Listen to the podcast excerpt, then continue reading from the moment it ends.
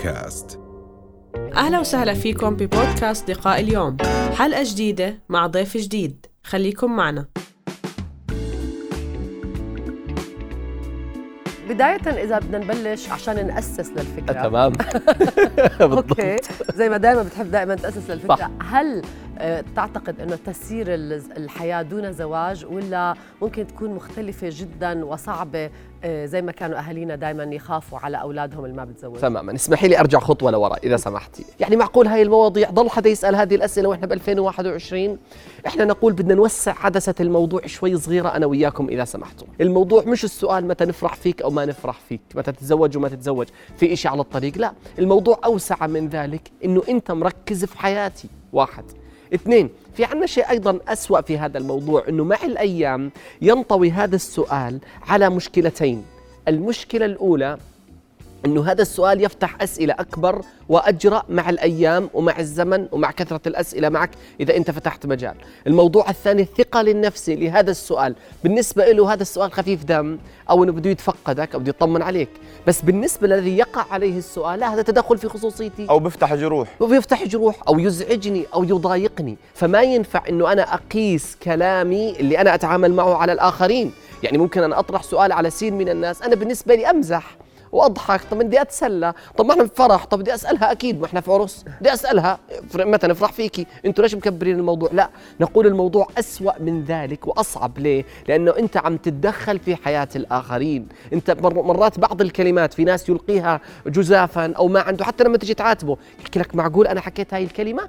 ويكون لا تكون هذه الكلمة نخرت في عقل ومخيال ذلك الشخص. طبعا. فهذه البسطة أو المقدمة أنه لازم نكون متفقين أنه هذه الأسئلة مهمة. ليس في بساطة السؤال أو بعض يعتبر أنه هذا السؤال بسيط وشو هالموضوع. لا الموضوع أكبر من ذلك لأنه عم يؤثر نفسيا في نفس الإنسان المتلقي لهذا الكلام. نعم. طب من وجهة نظر ال ال الأهالي مثلا دكتور الأب الأم الأخ الكبير الناس اللي بيخافوا على هذا الشخص بيحكي لك أنا حابب إني أطمن عليه. الزواج سنة الحياة فهو ما بديش إياه يضل هيك آه، صار عمره مثلا 35 سنة مش متزوج صار عمرها 30 سنة مش متزوجة. فبدي أدير بالي عليهم بدي أطمن عليهم. وبنفس الوقت الزواج هو سنة ال- الحياة ولا لا؟ مش هيك مش طبعا لا. هيك. مش مش سنة طبعا. لا. أنا استنى تخلص سؤالك. طبعا لا مش سنة حياة.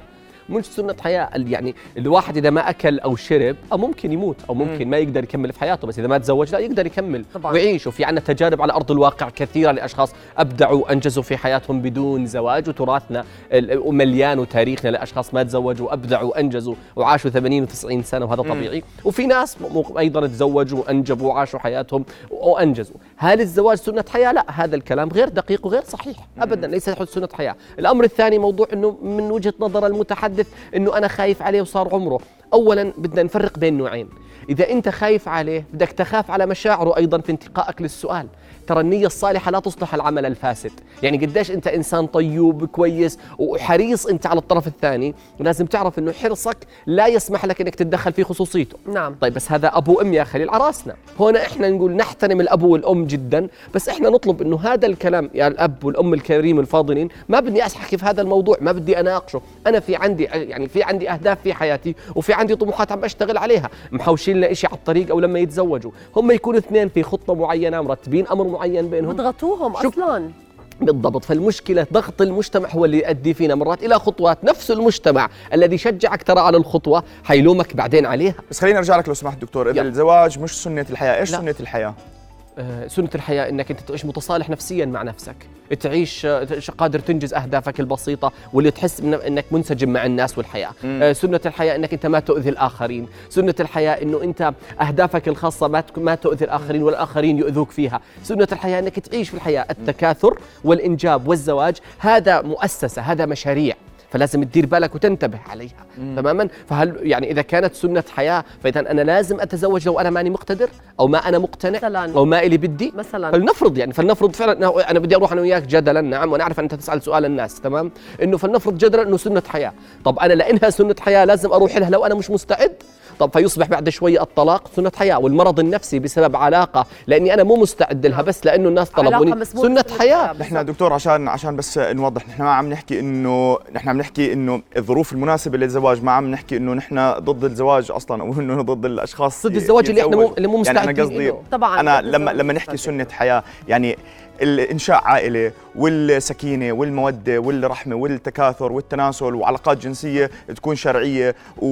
وإنشاء عائله وكل هاي الأشياء مش هاي من المتطلبات الأساسية للحياة؟ صح هذه نتيجة. نعم. يعني كل اللي انت حكيتهم الستة اللي انت ذكرتهم مزبوط بس هذول يجوا رقم كلهم ثانيا مش م. اولا. اولا هل انت جاهز لذلك؟ نعم. هل انت مستعد نفسيا لذلك؟ هل انت مقتدر انك ب... تفتح عائلة؟ هلأ قبل شوي كنا عم نحكي تمام. عن شخص عم بيعاني وعم بيطلب مساعدات لأنه معاشه كثير قليل وعنده خمسة أولاد وعمره 26 سنة. طب ليه تتزوج وأنت غير مقتدر ومش مكمل دراسة ومعاشك قليل وعندك صار هالقد وين سنة الحياة وين سنة الحياة أنا متفق نحن نفرق بين الظروف الصح وظروف الخطأ. يعني نحن عم نحكي إنه الشخص إن يدور على شريك مناسب ينتظر الظروف المناسبة لما يكون جاهز ومقتدر وسعيد ولقى الشريك اللي بحسه مناسب يتزوج. ومقتنع قبل. thank you وما عم نحكي إنه ما يتزوج لأنه الزواج آه لا لا ما يتزوج إذا ما أنت. قادر إذا ما أنت بس إحنا ما ينفع. ما هو تعرف كلمة سنة حياة إيش؟ يصبح الإنسان مشغول 24 يعني عمرها مثلا. لما تصير مثلا تتخرج يخطبوا كل صاحباتها بقابل السنة للتخرج وهي الوحيدة ما خطبت. ما الذي يشغلها في هذه اللحظة؟ إنه ضغط الناس كلهم خطبوا وأنت ما خطبتي. فينتقل الموضوع من التفكير في ذاتها ما بعد التخرج للعمل والاستقرار وبناء مهارات وحياة وكفايات تماما عشان تكون عندها القدرة تساعد زوجها وتربي أولادها وتدير بالها على نفسها. لا إنه يصبح الزواج ينتقل من هد من مرحلة إلى هدف. الزواج مرحلة مو هدف. عشان هيك إحنا نتطلق شو بعد الزواج وليس ما قبل الزواج؟ هذه قضية. الموضوع بالنسبة إنه إحنا مو فكر مو ضد فكرة الزواج ما في حدا ضد فكرة الزواج وما في حدا ضد فكرة إنك ما تتزوج. يعني يعني هذول الموضوعتين إحنا لا هون ولا هون. إحنا نقول هل أنت قادر؟ هل أنت إذا دخلت. يعني واحد مثلا وضعه المادي صعب جدا واحد عنده مشاكل نفسية. وعنده مشاكل نفسية. طبعاً. طب بنفسه يتزوج وهو خلينا يعني بدي أمشي جدا أنا مع كلمتك وأقول سنة حياة. هذا الشخص الذي يقول لي سنة حياة وأنت نفسيا غير مستقر. أنت شخص عندك مشاكل مع عائلتك شخص مع نفسك مع شغلك ببناء علاقات اجتماعية. طب ينفع إنه حضرتك تقول لي سنة حياة وتروح تتزوج؟ لا ما حينفع. طب ينفع هذا الشخص ما يتزوج؟ لازم إنه ما يتزوج. ليه؟ لأنه أنت هذه مؤسسة كبيرة جدا. هذه زوجة وهذه أولاد وأنت نفس الشيء إذا أنت مو مستعدة ولا غير قادرة. طيب بعيدا لو حدا مو مقتنع بدون أي سبب ولا مبرر. هل ينفع إنه يأخذ هذا القرار؟ برضو طبعا. هذه قناعات يعني ما ينفع أقول له إذا أنت جاهز وعندك فلوس ومستعد نفسيا وجسديا وعقليا وما عندك أي مشكلة فلازم تتزوج لا كلمة لازم غلط. لأنه هذه خياراتنا في الحياة نعم. نعم. لازم نحترم خياراتنا وأيضا من المشكلات بس أنا أضيف. شيء بين شخطين من مشكلاتنا أيضا هذا وسائل التواصل قربت الناس كثير لبعض فصار التدخل في كل التفاصيل البسيطة في كل شيء لو واحدة على مستوى الصور على مستوى الروح على مستوى الجية هذه هذا التدخل والدخول في تفاصيل حياة الآخرين هو اللي صار عندنا مشكلة وحط عند الناس نموذج معين لكيف كان لازم تعيشوا كيف نعم. لازم تحكي كيف لازم تلبس كيف يصير عمرك هذا القد وما تزوجت السؤال. بالعكس ليش تتدخل أنت في حياتي؟ مش أنا ليش كيف أجاوب على سؤالك؟ تمام أوكي بس دكتور خليل خلينا نتحدث عن أنماط مجتمعية. هذه الأنماط المجتمعية اللي خلقت بيناتنا يعني بيقولوا اللي ما بتجوز بتصيب عقدة بصير عنده شعور بالنقص. بصيروا يقولوا اللي عنده اللي مطلق ممكن يرضى بأي حدا كشريك تاني كتجربة تانية.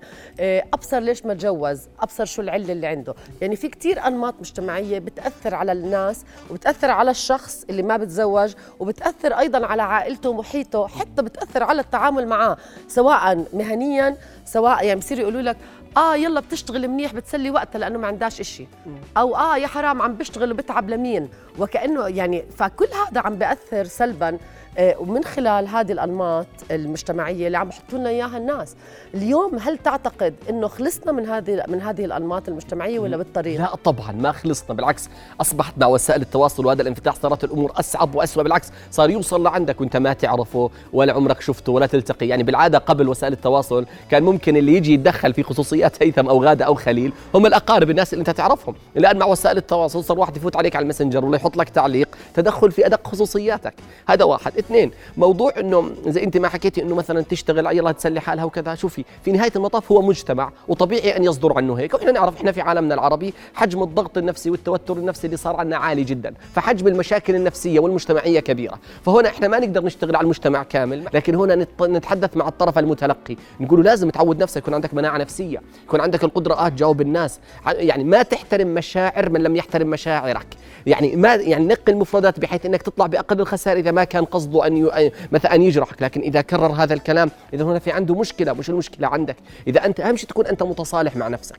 شوفي الذي يفعل الخطأ وهو مقتنع فيه وإن كان خطأ من وجهة نظر الناس هو قادر مع الأيام أن يعيد النظر فيه مرة ثانية.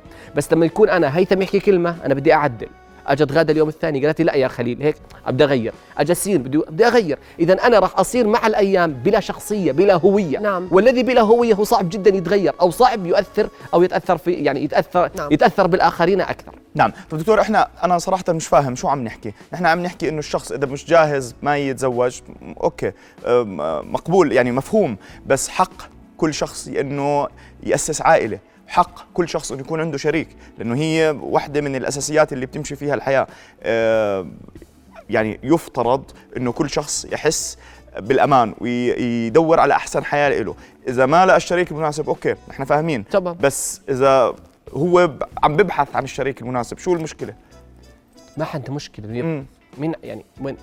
فين وين مخت... وين السؤال؟ أنا هذا اللي أنا هذا اللي يعني فاهمه السؤال أنا حسيت إنه نحن عم نحكي إنه أنت حر. إن- أنت حر تزوج ولا ما تتزوج أوكي. طبعاً. تمام أنت طيب. حر. ما عم نحاكمك. تمام. تتزوج ولا ما تتزوج. بس تمام. عم بحكي إنه مش حق كل شخص إنه يدور على شريك. طبعا. مش حق كل شخص إنه ينشأ عائلة. صح. طب نحن ليه بنضغط الأشخاص اللي اللي عم بيبحثوا على شو ما ضغطنا إحنا ما ضغطنا. إذا أنت مستقر وقاعد تدور على شريكة حياة أو شريك حياة وفق ما تحس إنك أنت منسجم معه علشان نشوف حد ينسجم معك. ما عندنا مشكله معك؟ يعني أنا ما أنا يعني مش عارف وين المشكلة بالضبط هيثم الفكرة ببساطة متناهية.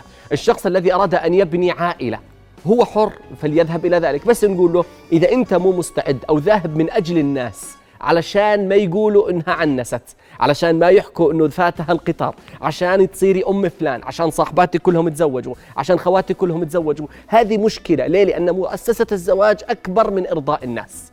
الطرف الثاني اللي يقول لك أنا عندي كل شيء بس أنا لا أريد ذلك. يعني أنا مزاجي أنا لا أريد أن أشترك مع حدا ما بدي أبني بيت ما بدي أتزوج. هل هذا الشخص من حقه؟ طبعا هذا من حقه. هذه خيارات إحنا نترك الناس لها. هذا هو ملخص كلامي كامل اللي أنا حكيته من أول نعم. الحلقة. بمنتهى البساطة نترك للناس خياراتهم إذا هم ما يؤذونا يعني واحدة ما راضيه ما بدها تتزوج. نعم. نقطة. يعني مو- مو شرط كثير أنا أصير كل ما أشوفها أو كل ما ألتقيها في زواج ولا في عزاء ولا في حفلة أصير أذكرها في هذا الموضوع. هذه خيارات. بس هيك دكتور نحن عم نحكي عن آداب اجتماعية ما عم نحكي عن عن عن خيا عن أساسيات حياة. آداب اجتماعية إنه أنا ما أسألك كم راتبك. آداب اجتماعية ما أسألك إنه متزوج ولا مش متزوج مطلق وعندك أولاد ما عندك أولاد مرتك حامل. هي آداب اجتماعية. طيب. إحنا عم نحكي أنا قصدي تربية. يعني أنا قصدي من وجهة نظر تربوية ومن من وجهة نظر إنسانية. إنه- الأساس الأساس في الحياة إنه الشخص يكون عنده شريك. صح ولا لا؟ شو الدليل على ذلك؟ تفضل. إنه كان في آدم وحواء. طيب ماشي كانوا موجودين آدم وحواء وإحنا تناسلنا منهم. موضوع إنه الإنسان لازم يعني إنه الله لما خلق خلق آدم وحواء خلق ذكر وأنثى. فمعناته أساس الحياة ذكر وأنثى. ممتاز عشان هذا التناسل والتزاوج. بس علشان أنا أكون مستقر هل أنا قادر إني أعيش 80 و90 سنة؟ هل شخص معين؟ هل في تراثنا وتاريخنا في كثير أشخاص ما تزوجوا نعم. ولا أنجبوا وقدروا يعيشوا حياتهم وينجزوا ويكونوا طيب هذول فاعلين. صح. طب هل هذا الشخص تأثرت حياته لأنه ما تزوج؟ لا.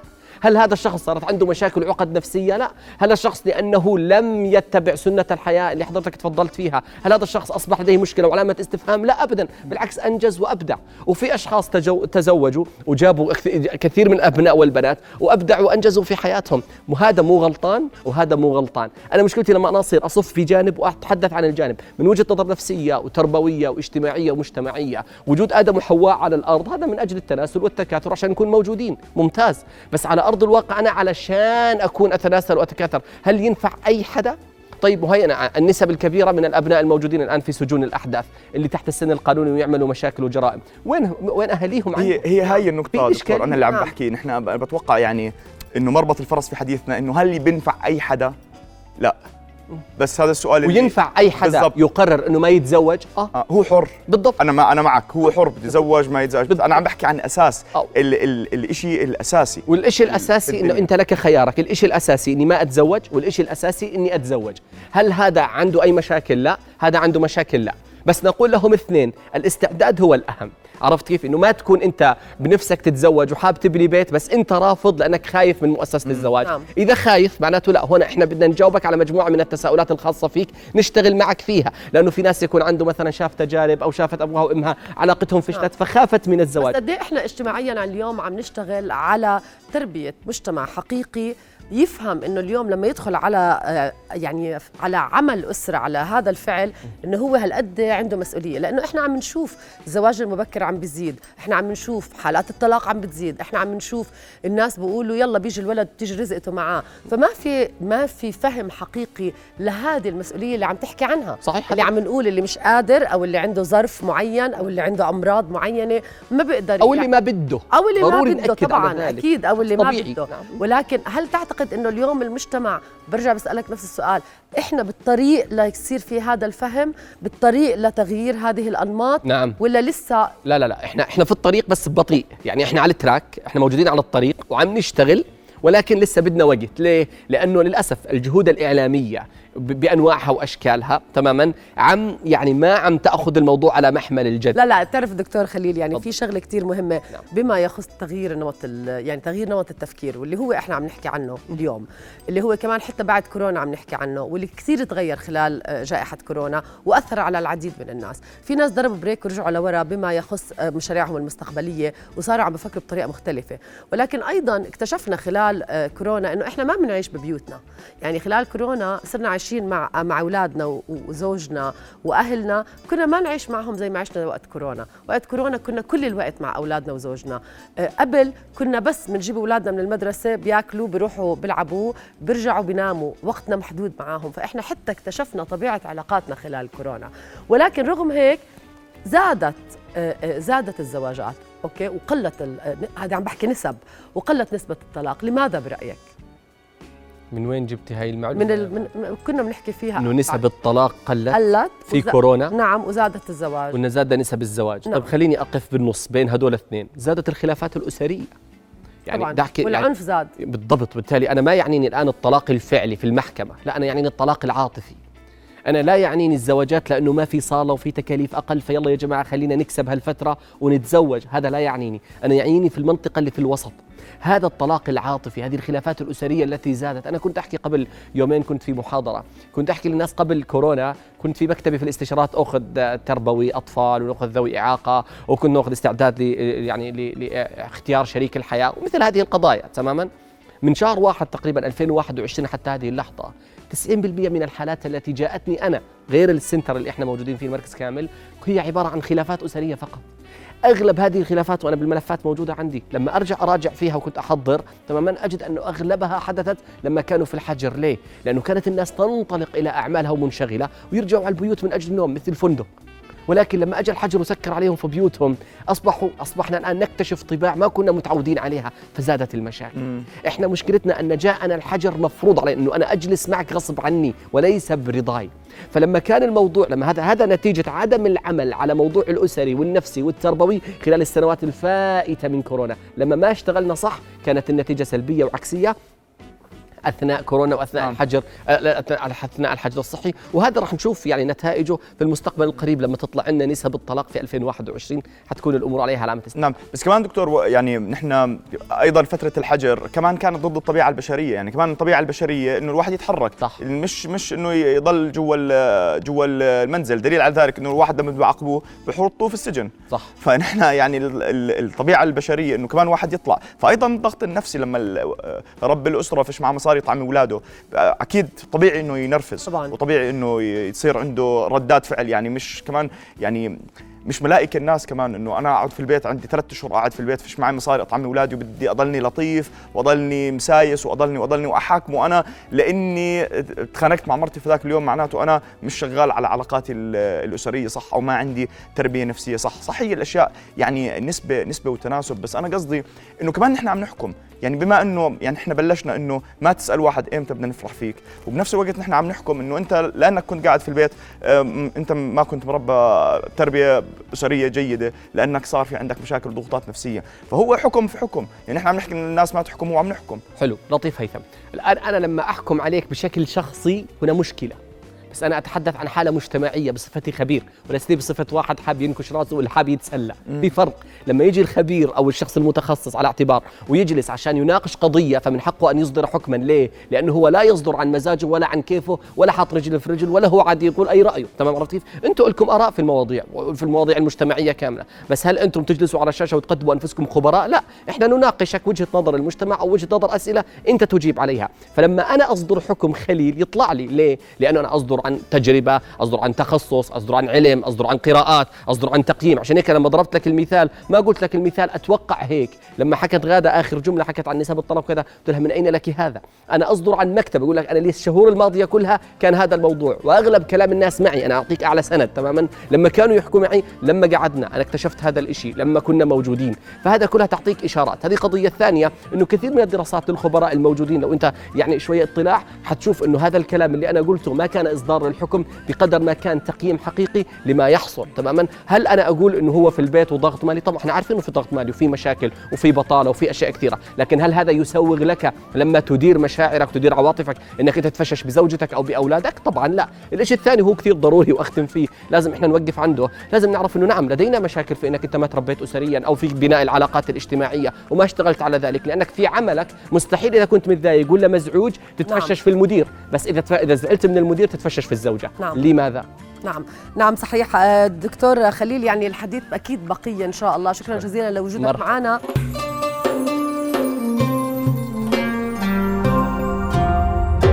رؤيا بودكاست.